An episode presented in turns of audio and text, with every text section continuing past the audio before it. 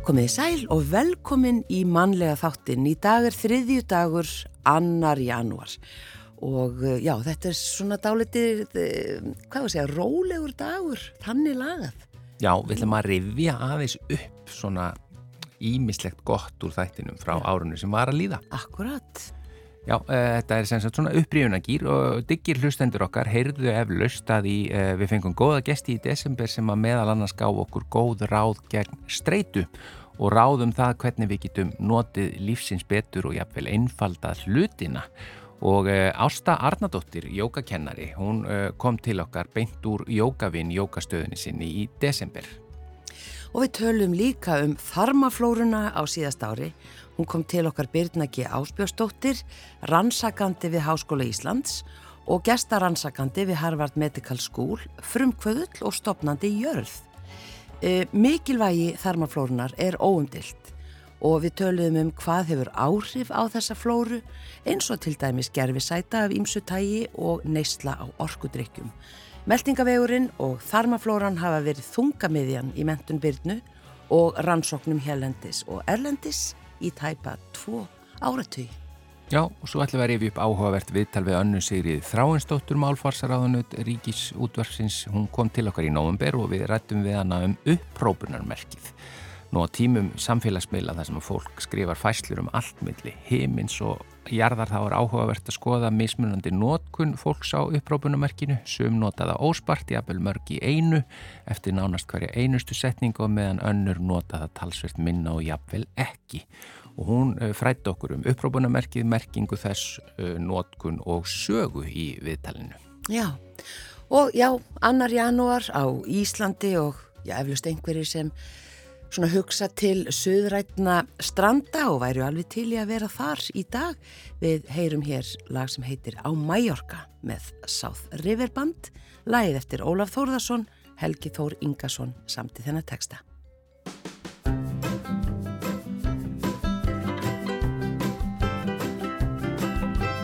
Barinn er mannlif í smækkari mynd Svo mörg bæði hérðan og þaðan Flest eru nákvít en fæst eru sinn Og ferleg í bankanum staðan.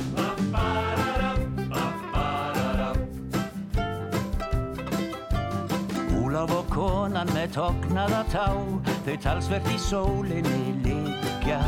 Um hádegið setjast þau svalirnar á og sveitna þar uns fer að skilja Á mæjorkar lífi svo unaslegt allt. Þar aldrei er vindur og ryggning og kallt á stílu og töflu með skálað í kór. Skrautlegum kokteilum, gini og bjór. Larsam på svíþjóð er líflegu fýr og leiðist ei dansin að stíða Kerlingin öskrar og krakkarnir þrýr Gugga í laugin og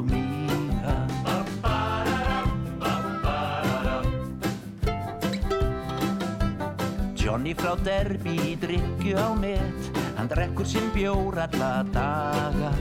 Og konan er svakaleg svarið ég get. Að sá varla annan eins maga. Á Mallorca er lífið svo unaslegt allt. Þar aldrei er vindur og ryggning og kallt Á skílu og töflum er skálað í kór. Skrautlegum korteilum, gini og bjór hókur frá Verslói veit Í viku hvað upp er og niður. Sex on the beach, því sólinn er heit Þau svinna í framann því niður.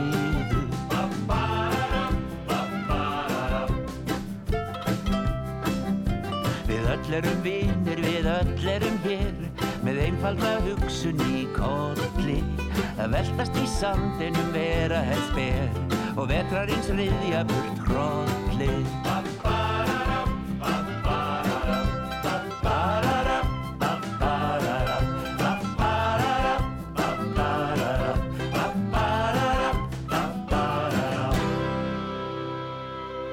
Já, þetta var South River Band og lægið á Mallorca, lægið eftir Ólaf Þórðarsson og Helga Þór Ingarsson. Já, eins og við sögum hér upphafið þá eru við í upprifjunargýr í dag í manlega þættinum og heyrum hér við tal sem við tókum við hann Ástu Arnardóttur, e, jógakennara um svona góð ráð gegn streitu og hvernig við getum, já, til dæmis róað taugakerfið. Taugakerfið okkar er í rauninni sko þannig, það er okkur mjög vinsamlegt, það vil vernda okkur og, og hérna og ósarlega taugakerfið að það e, skiptir ósala miklu máli fyrir það að það sé örugt rými, að við séum örug mm -hmm. og ef er, við skinnjum að við séum örug að þá höfum við svona góðan aðgang að e, svona þróaðri hluta taugakerfisins þar sem að við getum e, unnið úr reynslokkar upplýsingum það eru meiri fjölbreytni í samskiptum og möguleikum en svo aftur á móti ef við upplifum óöryggi eða óta eða aðstæðir eru óöryggar að þá getum við farið inn á þennan frumstæðari þátt í taugakerfinu þar sem er bara ekkit margir möguleikar, bara flýja, berjast eða frjósa. Þetta er svona survival mm. og þar, þá þrengist rosalega mikið þessi svona fókus og hann verður auðvitað svolítið sjálfhverfu bara að lifa af og, eh, og þá er ekki eins margi möguleikar. Og, og þetta getur farið ef við upplifum algjörðan vanmátt yfir í svona eins og frost ástand og, og þá er stóra spurningi sko er, er þessi e, streyta kemur hún innanfrá eða utanfrá? Eða er þetta eitthvað sambland á, á milli? Já.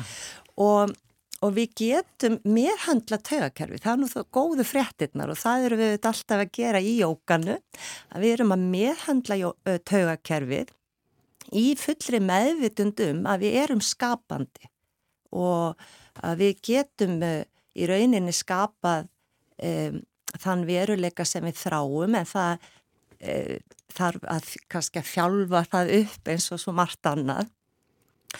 Og uh, og við getum meðhandla tögakerfið í rauninni á mjög svona einfaldan hátt til dæmis með öndun. Já.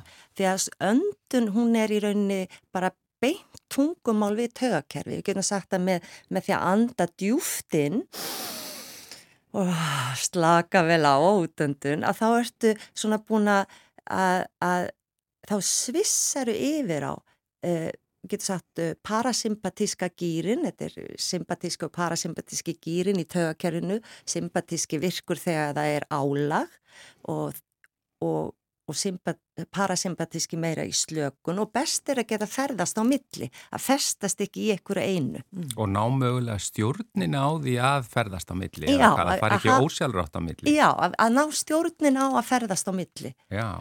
Og svo er þetta með sko með þess að hvað við upplifum sem ógn eða hættu að stundum er það raunverulega þannig að það er streyta í umhverfinu, við kannski lifum í aðstæðum þar sem er mikil streyta og þá eru við undir því álægi en stundum er þetta ekki umhverfin, þetta er meira svona innri sviðum. Og, og hérna ég man eftir einu sem því ég var að huglega svona í doldi í lengri tíma í þögn og, og þá er mjög örugt um hverfi og, og allt er örugt og mjög vinsamlegt og, og kærlegsríkt um hverfi og við tækifæri til að fara inn á við og eitt kennari hann sagði sögu, þetta er sönnsaga mm. á ákveðnum svona stað í þessu huglegslu ferli og þetta talaði svolítið til okkar sem vorum að huglega að, og þetta er sönnsaga að það var sem sagt í lok uh, setni heimstýreldarinnar þá er hermaður uh, sem að var að sinna sinni herskildu, var í uh, félum í skógi á filimpísku eigunum og það 29 árum eftir að heimstýrildinni líkur er hann enþá að, að, í þeim hugmyndaheimina að Eh, stýðið sé ennþá í gangi. Og þá eh, er þegar komist að því að þá fer send, sendi nefnd frá Japan með hans eh, svona hérna yfir manni til að, að láta hann vita að stríðinu laug fyrir 29 árum. Og fyrsta sem þeir gera þegar þeir finna hann er að þakkunum fyrir sín störf, sína þjónustu. Mm. og þetta held ég að sé svo mikilvægt, þetta er náttúrulega sagt um til að minna okkur okkar innri eh, výgvelli, við erum kannski ennþá að berjast á einhverjum gömlum výgvelli þegar stríði í rauninni er búið Já. og þá er svo mikilvægt að þakka fyrir, takk fyrir taugakerfið og öll okkar svona vitund, allir þessir varnarmekanismar sem fari í gang, að þakka fyrir þetta var gert í góðri trú en núna er þetta búið. Hmm. Já, þetta er góð saga. Já, já. svakalegt að því að já, já, við erum auðvitað svo ofta glíma við eitthvað gamal já. sem er ekki lengur kannski endilega til staðar. Já, sem er svona búið og við getum bara kvart og þakka fyrir. Já, og við getum sagt takk fyrir, nú er þetta búið. Mm. Og svo kemur uh, næsta að ef við viljum breyta ykkur, eins og margir vilja, og það er svo mikið streyt og stress og ég vil langar svo að hafa þetta öðru í sig, að þá er svo mikilvægt að átt að svona, ok, ef við langar hvernig ger ég það? Mm. Og það er erfitt að breyta í því hugarástandi eða orkusið eða neikvægt orkusið og neikvæðar hugsanir og allt er í ótt og óryggi og svona survival mode, þá er svo erfitt að breyta. Mm. Svo það þarf að byrja á því að lifta orkunni og öndunaæfingarnar í jókar kallast pranayama, prana er lífsorkan og ayama er að þennjana út, aukana, eblana. Svo að öndunaræfingarnir er í rauninni eh, til þess að ebla lífsorkuna, liftinu upp og þar getur við frekar breytt og skapað. Og þá er líka gott að huglega hvernig vil ég hafa þetta og síðan að treysta því að það sé mögulegt. Já, Þetta er svo magnað. Já, Já. ég sé að það alveg týstir í þér þú ert að segja frá þessu því að þú, þú væntanlega hefur séð þessa umbreytingu hjá fólki. Já og bara hjá sjálfur mér líka og þetta er ekki þannig að það sé bara e, maður gerir þetta bara einu sinn og svo er það búið. Þetta er svolítið svona eitthvað sem maður er alltaf að vinna í. Og, þetta er og, æfing. Og, og ég hef alveg sannreint að þetta er mögulegt og og um, að staldra við, anda djúftinn, uh, jafnvel önduna æfingar sem það gerir eða koma, fara inn í uh, djúpslökun, eitthvað sem róar taugakerfið og svo liftir orkunni og þá getur við auðveld að sé að það eru miklu fleiri möguleika. Mm. Svo að það er margt einfalt sem er hægt að gera eins og til dæmis uh, við getum í jólastressinu orðið ofsalega fókusir á eitthvað eitt, ég verð að klára þetta þarna og ég verð að vera búin að gera þetta þarna og ég verð og ég verð og ég verð. Og þá erum við komið svolítið inn í svona hennar þraunga fókus sem er svolítið meira svona survival. Yeah. þá getur verið gott að bara á þessum fallegu dögum sem eru núna með sól og, og, og heiðan hímin að líta upp í híminin sko ekki kannski ef, ef einhver er að hlusta núna og keira eða svo lesa en, en ef, ef þú hefur tök á því að horfa upp í heiminu og vika sjóndeldarringin þú veist, að opna þess inn á meira space, meiri möguleikar. Mm. og það eru tækja tól til að gera þetta. Annars myndum við bara, við þurfum öll að fá aðeins svona eitthvað í, í verkvarakistuna og það getur verið, þú veist að þessi djúpa öndun, það getur verið að finna fyrir líkamannum þú veist bara finna, reyfa fingur, reyfa tær, finna uh, þú veist hvernig er snertingi með jörðina mm. hérna er, ég finn fyrir líkamannu, það hjálpa líka að koma úr hugmyndaheiminum inn í veruleika skinnjunar augnabliki hér og nú en svo Jóki sagði svo fallega um daginn, við vorum að tala um núvitund og hún sagði, ó ég já ég var alltaf að hugsa um nærvitund Nærvitund, já. Og þá kemur þetta inn á sko að koma erlítið nær já. af því að streitan og stressi kringu jólinn snýstundum um það að vera að eh, sko að eitthvað utanfrá á að gera með hamingu sama eða einhvern annan hamingu saman en, en þetta kemur innanfrá og, og endanum verður við svolítið bara að segja ok, let's face it þetta kemur innanfrá. Horfumst í auðvitað við það.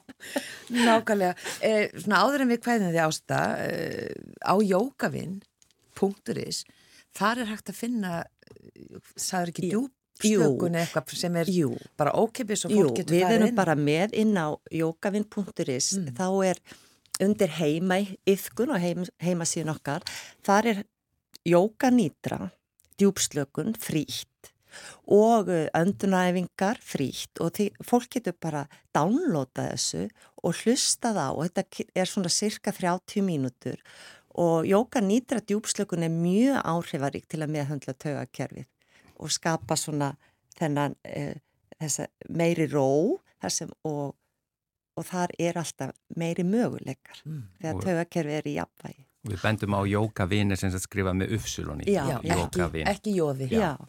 defenderme.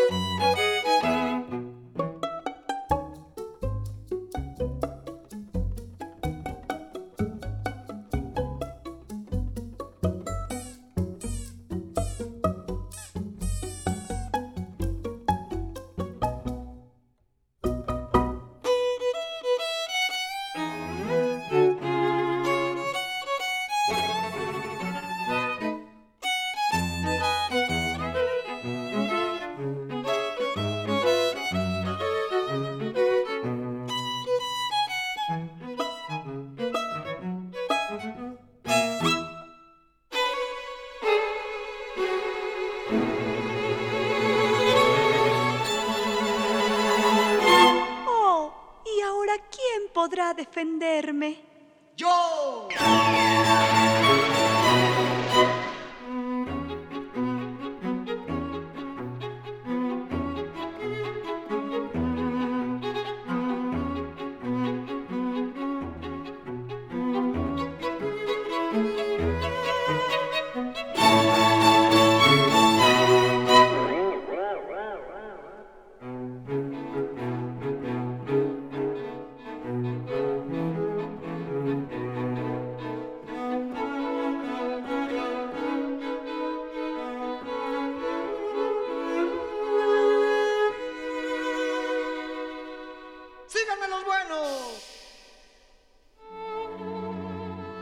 Tjaf og svít Krónskvartet leg Ludvig van Beethoven samti.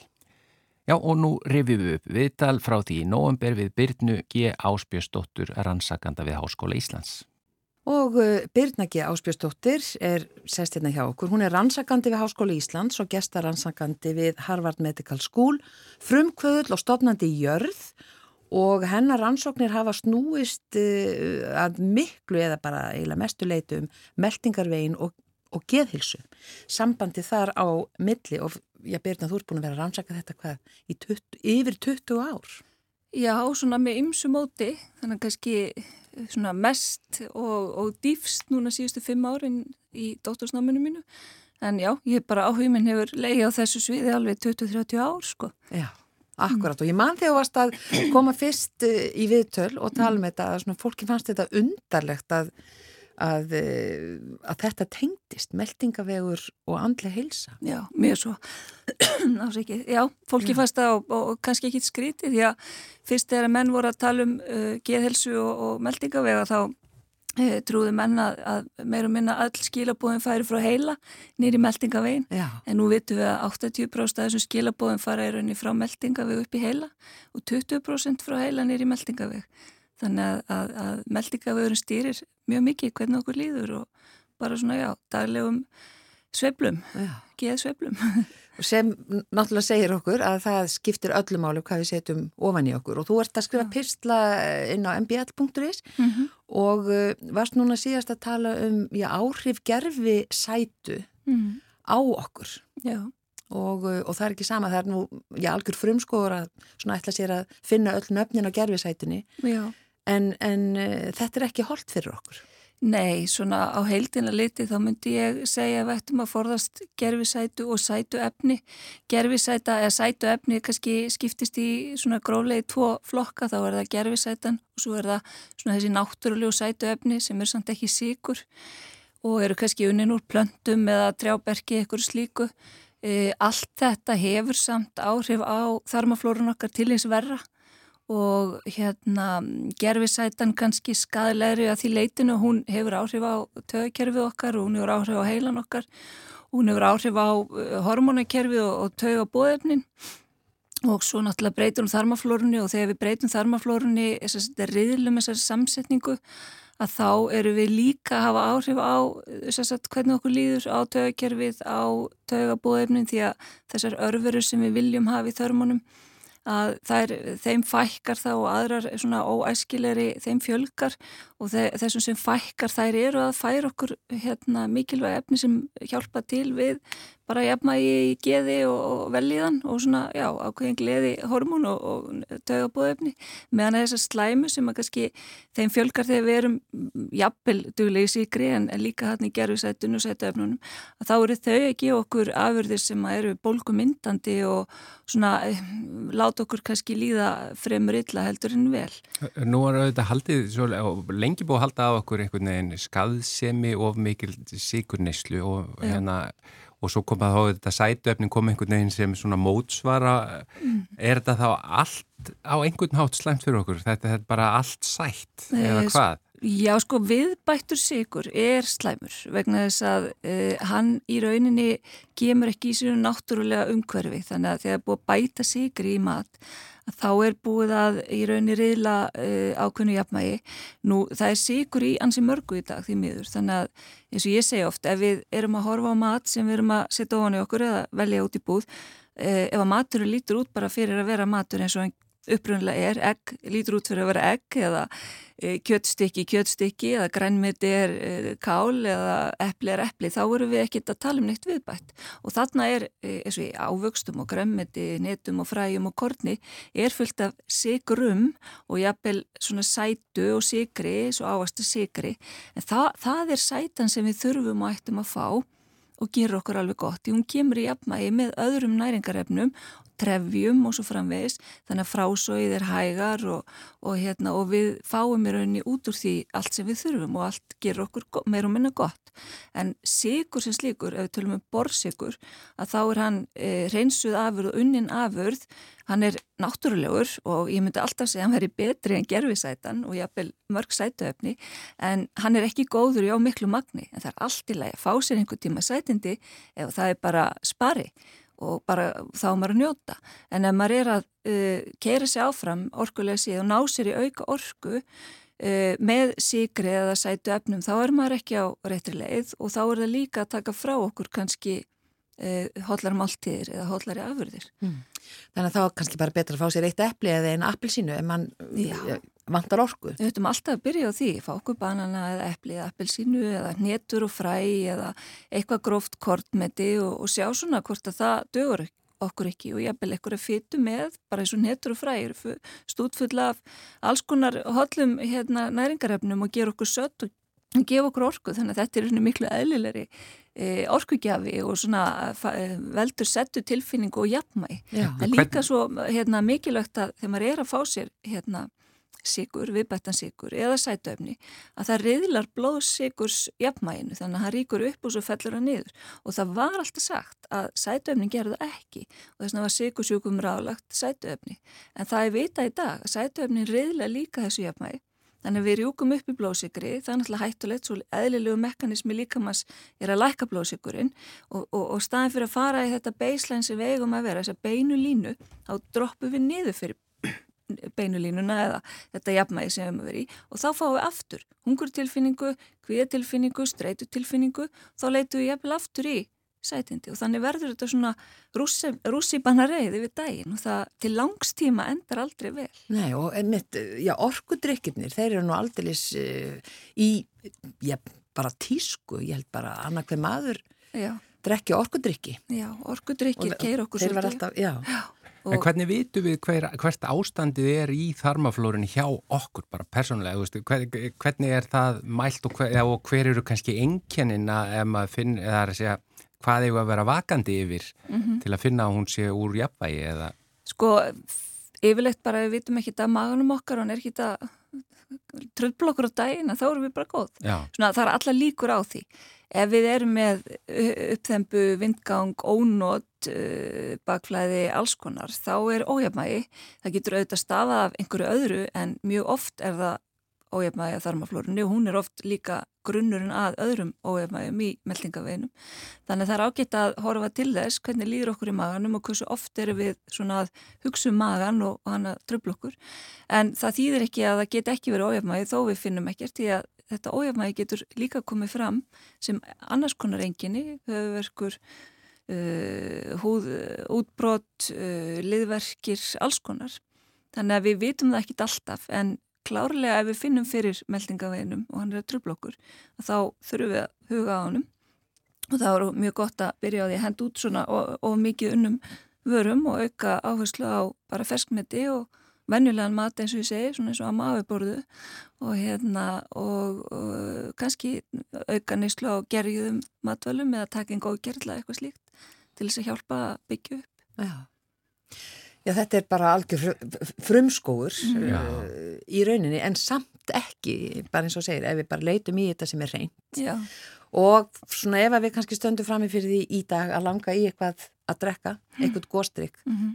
Já, myndir, myndir þú sjálf hérna frekar velja góstrygg með sigri eða með gerfisætu? Sko, þetta er neyða með að drekka góstrygg Já, þetta er neyða því Ég hef ekki drukkið góstrygg í 30 ári, bara segja það og ekki gerfisætu, aldrei Þannig að hérna, ef ég ætti, ef ég ætti lífið að lesa, myndi ég drekka sigraðan góðstrík markvallt á við gerfisætun. Ég er bara skítrætt við þetta. Ég líka bara að skoða þetta. En hérna, og ég veit að gerfisætan og þess að við erum að tala um orkudrykki. Orkudrykki er náttúrulega inni held að yðurlega mun meira koffin heldur en til dæmis kaffi. Kaffi er bara bön og náttúrulega afur og ekkit að því að drekka kaffi af og til. En orkudrykkir innihalda hæramagnu koffinni, þeir innihalda flest allir gerfisætu og gerfisettan hefur, eins og segi, skali áhrif á þarmaflórunna, hún hefur áhrif á tögkerfi okkar við vitum að hún getur auki líkur þunglindi, uh, deburð, hún getur auki kvíða, hún hefur áhrif á þessi hormón, uh, hún eigur líkur á rannsóknir sína, það er alla líkur á, hún eigur líkur á íminnskonarsjúkdómum, hún eigur líkur á einhverfu hjá börnum, mæra sem drekka gerfisettu og meðgungu, ég vil bara eitthvað dag, þannig að það er stór áhætta sem við erum að taka. En ef við erum tilbúin að taka það áhættu, já, þá fá okkur gerfisættu en ég held að flestir, flestum sín og eitthvað andum heilsunum sína og þegar við erum upplýst, að því þegar maður veit ekki, þá gerir maður hlut, en þegar maður er upplýstur, þá getur maður að fara að breyta og, og, og hérna, gera betur. Þannig ég allan daginn myndi ekki mæla með orkudrykkjum og ekki nema þá bara í einhverjum algjörum neyðar tilfellum að maður væri að sopna og keira eða eitthvað, en að öllu jöfnu nei, alls ekki. Mm. Takk fyrir að koma í manlega þáttinn Byrnækja Áspjósdóttir, eh, rannsakandi við Háskóli Íslands og gestar rannsakandi eins og við sögum við Harvard Medical School, frum kvöld og stopnandi Jörð. Takk, Takk fyrir. Takk fyrir mig. Tunglið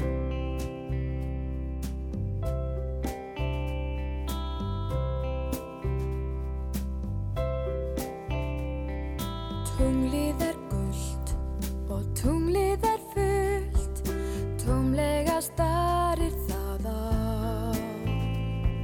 Sólin er sokkin og sést ekki meir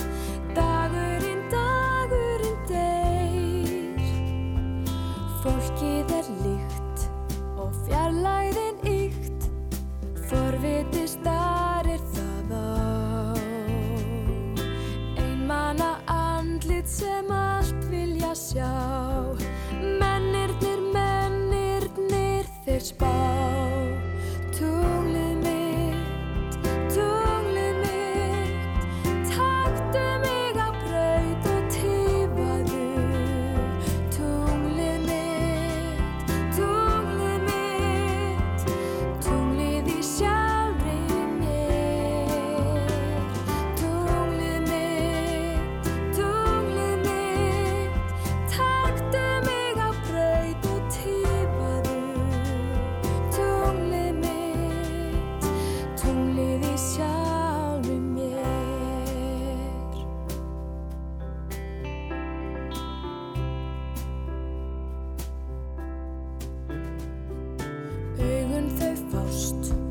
Við alls konar ást, áræðin stara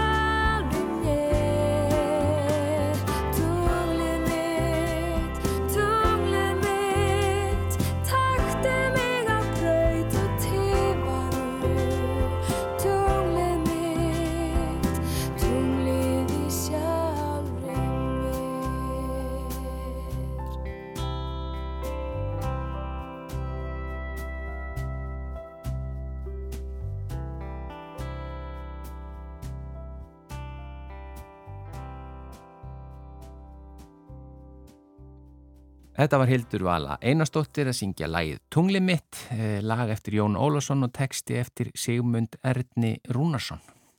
Og eins og við sögðum við erum að rifja upp í mannlega þættinum í dag og nú heyrum við viðtal við önnu Sigriði Þráinsdóttur Málfarsráðunut Ríkisútvarpsins. Hún kom til okkar í byrju november og við rættum við hana um upprópunamerkið.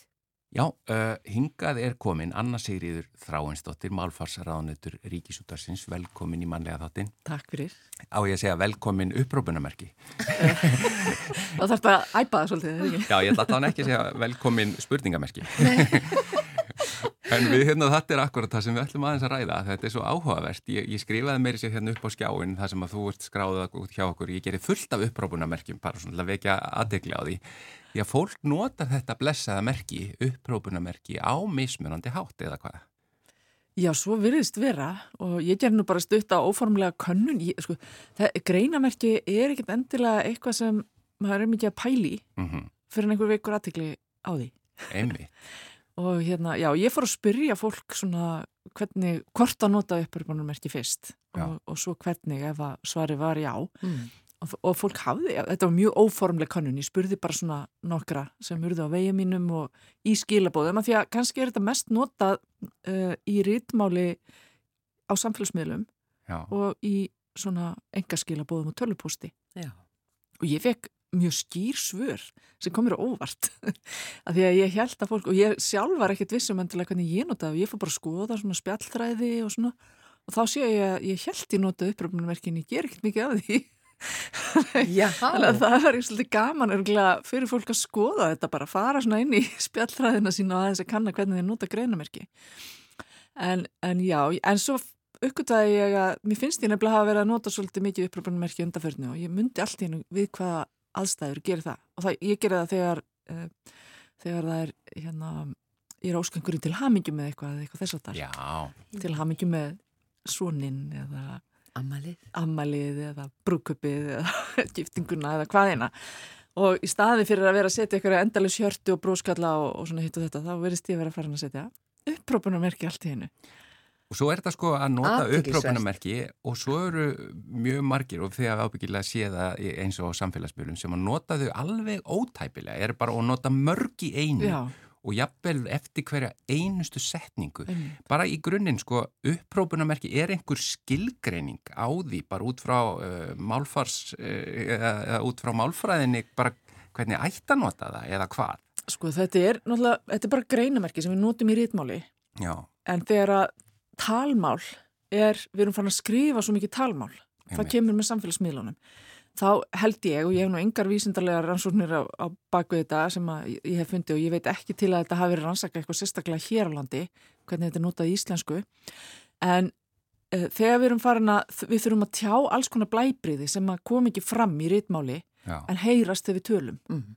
við setjum inn, við erum hissa við erum brúsandi, við erum hlæjandi og svo framvegis og kaltæni til dæmis úr, sem að kemur oft mjög skýrt fram í talmáli skila sér mjög illa þegar að fara að rita talmálið og, og þetta er svona leið uh, það, var, það var nú þáttur sem að ég veit, veit að við vorum að horfa á hér á, á streymisveitu sem að nefndi einmitt að þetta er eina greinamerki sem geti gefið til kynna tilfinningar mm. Ég er samt ekki alveg vissum það, ég hugsa spurningamerki sem ég jafnvel nota svolítið þannig líka og Mm. gæsalappir mögulega.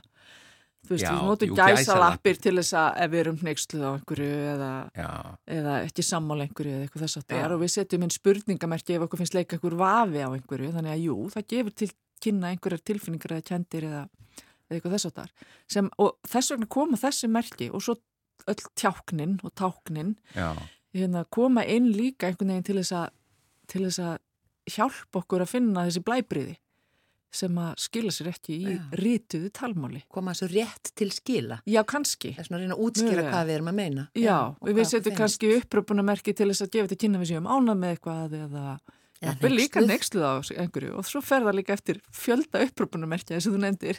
já.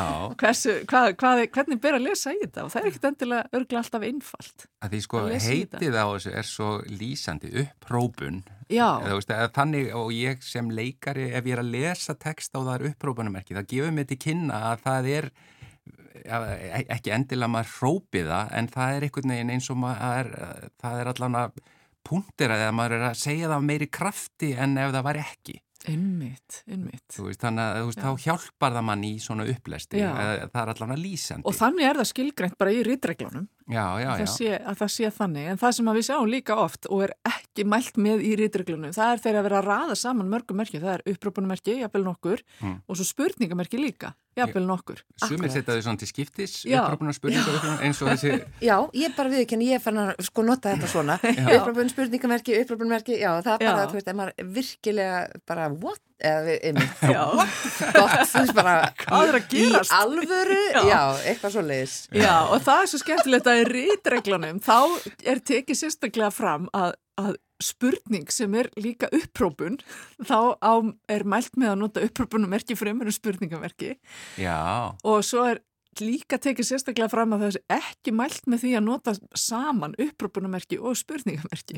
Þá er maður ekki að nota það saman Já. Æstur, já. Já, þetta er svona, en, en við verðum alltaf að hafa það í huga að rítreglunar eiga við um rítmál. Já. En þessi merki sem að við erum að nota, sko, og það sem, að ég, það sem fólk sagði þegar ég fór að spyrja, var um þetta, ég, ég noti þetta í óformlegu samtali við vini og fjölskyldu og, og svo framvegis. já, Og eitt sagði mér að segja, já, ég hef nú tekið eftir því að börnunum mínum finnst punktur svo frekjulegur að ég er notað það frekar upprópunumerkja því að það er vinalegra.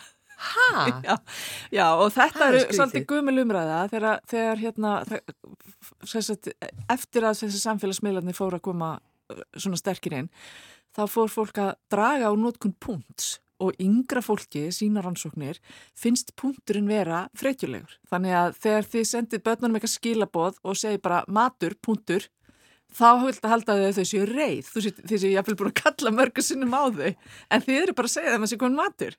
Þetta Þetta er, er mjög að við tölum við hana Lóu eh, já, hérna, í síðustu viku Já, í, í síðustu viku. Þá var hún akkurat að sko tala um þetta, að það væri miðaldra að setja punkt Já. þegar þú ert að tala eh, til dæmis á Messenger. En við erum eins og bara, þessi miðaldra erum bara að fylgja hérna. Ritreglunum, já. En við ætlum kannski fre frekar að hlusta á unga fólki. Já, já, en svo megum við líka ekki gleyma því að það er bara munur á ritmál og talmáli og, í, og einhverju svona skilabóðum eða tölposti eða einhverju svona óformlegu spjalli, þá getum við leift okkur allt mögulegt, en svo, svo gerum við það ekki í formlegra máli. já. Við, við setjum ekki, drítum ekki inn uppröpunamerkjum og spurningamerkjum í gæsalöpum og einhverju í formlegan tölpost til dæmis. Já, allan að minna og ég, ég, ég leif mér að efast um að það hefur verið notað jafn mikið þegar fólk var bara hreinlega að skrifa bref. Já, ekki, Hérna- ekki nema sem bara svona sæll uppröpunumerki Já. eða eitthvað. Svona sem hinna raunverulegu uppröpunar en kannski tölum við bara svona mikið í uppröpunum, ég veit það ekki. Ég held líka að við erum að berjast um aðtikla því það eru sko svo, eins og á Facebook sem dæmi, það var svo mikið að, að bara dopja af fæslum og eh, fólk er að reyna að ná í gegn með einhvað hjartansmáli eða hvað það er sko. En þessi þáttur sem þú talaður um að því við horfum á sama þáttin sem að var hérna bara á Netflix eh, Og heitir bara uppröpunumerki. Ég heitir Já. hann er að hluti af þáttaröð sem er Explained, það sem hefur verið að fara yfir svona alls konar mál og þá er talað um að það sé líka munur á bara hreinlega notkun kynjana á upprópunamerki. Er það eitthvað sem að þú hefur rekið þig á eða séð eða... Ég hef ekki tekið eftir í beint og þetta- þetta kom mér að hluta til á óvart en einhvern veginn samt ekki. Uh, ég, ég get nú samt ekki alveg útskýrt af hverju ekki. en svona þeir sem ég spurði, voru nú, eins og segi, þetta var mjög lítið úrtak. Þeir, eh, að þar að voru tveir kallmenn sem að voru svona meira, voru svona sammála um þessa nótkun. Þeir noti þetta svona... Uh, þegar af því að ef að fólk finnst, fólki finnst punkturinn eitthvað frekilegur sko. og þá Já, bara í óformlegu spjalli og kannski þeir vilja ná eitthvað svona sérstaklega einn, annar þeirra hefur til dæmis verið og reyndar báðir verið, dugleg, verið virkir á, á hérna, samfélagsmiðlum svona um tíma og nota það þá kannski svona svona sparlega.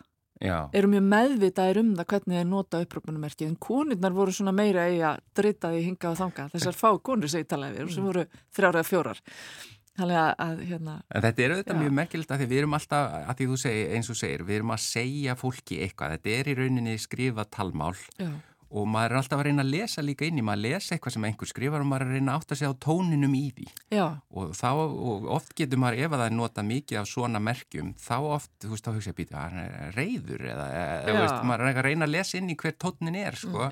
Og svo, já, og svo eins og þú sagðir, það er kannski munir að því að nota eitt upprópunumerki eða fimm Já. eða eitt spurningamerki eða fimm. já, Já. einmitt og svo er það hástafinnir já, einmitt það er sumir nota það mjög spart jafnvel ekki, það er að segja, jú, nema kannski bara í upphafi setningar, en, en sumir notaði bara í heila færslu allt í hástöfum eða hluti af því sem er kannski svona hluti af eða svona svipuðu meiði Ég held við höfum öll svolítið á tilfinningunum þegar við lesum svona færslur í hástöfum að við sjáum auðvitað að við komandi mikið niðri fyrir. Já, En okkur finnst svolítið eins og sé verið að æpa á okkur og stundu kannski gerir fólk þetta jafnvel óvart og þá svarar maður kannski, byrju, hvað gerði ég?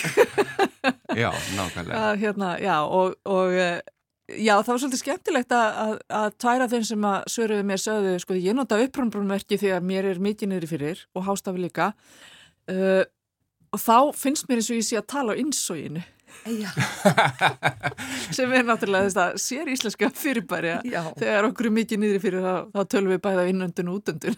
Já, akkurat. En er, er það eins í, sko, að því í þessum þætti var að tala um að, þá, að hann er auðvitað á ennsku og er frá bandaríkjanum þessi þáttur og þá er verið að tala um að málfræðingar væri ekki einu sinni sammála um hvernig þetta nota upprómunumerki. Já, nú veit ég í raunin ekki hvernig það er meðal íslenskar málfræðinga, málfræðinga. Ég get alveg trúa því að það sé samt, við höfum bara öll okkar skoðanir en það vill nú reyndar þannig til að greinamerki hafa ekkert vakið neitt sérstakann áhuga meðal íslenskar málfræðinga. Já, já. það er bara nóg annað að rannsaka held ég.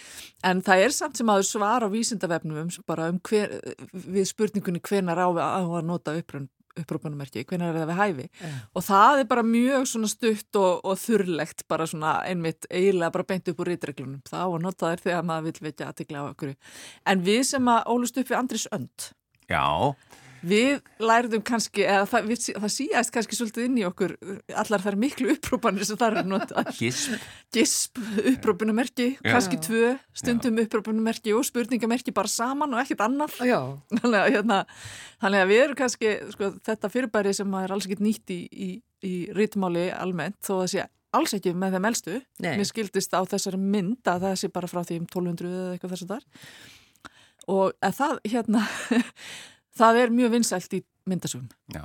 Það var til dæmis, það er talsvert í, í Shakespeare, er, það, það Er eru það? upprópunamerki, já, Já. en aldrei fleiri neitt. Nei. Já, nei, einmitt. En það gengur líka uh, mörg af hans, margir af hans svona textu ganga svolítið upp á, svo, það er svo mikið drama. Já, Svo, það er mikið drama. það er mikið, það er mikið að kalla. Já, akkurat.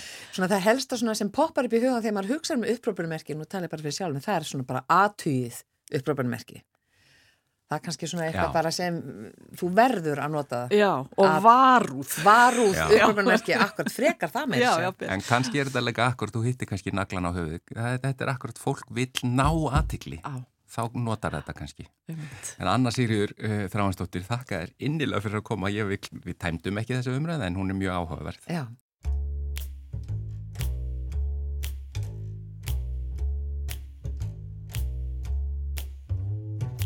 Allur urkum lamin gengi leiður heim til mín. Nó er komið nætur gaman. Allur blár og marinn gengi barinn ástinn mín. Nauða þurfa að sofa saman. Aftur einn svektur Út í tilverun að fara með á þig. Aftur einn beiskur Hvað á að gera við ræfla eins og mig? Annað glóður auga, eitt við spór í munnvikið Klessu keirði mótor hjólið. Eina vítari við eitt við högg á nefbrótinn Alltaf sama vandamálið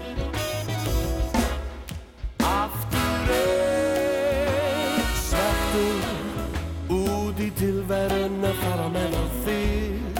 Aftur einn Beiskur Hvað á að gera við ræfla eins og mig Vissulega var að ég í vondum félagskap Svo ég skammast mín, ég skammast mín. Ó, hvað er að vera mig burtu frá þér? Vina burt frá þér sem áður gruna mig og gættu hvað það er Að ég elski þig, ég elska þig. Ó, bara ég rataði aftur til því Vina heim til mín.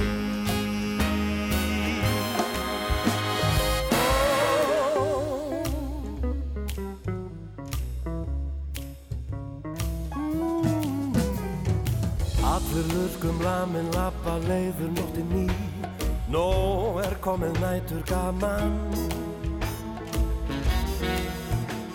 Bældur, deyfður, barinn, spældur, blöytur, sparka í. Ég spinni við því öllu saman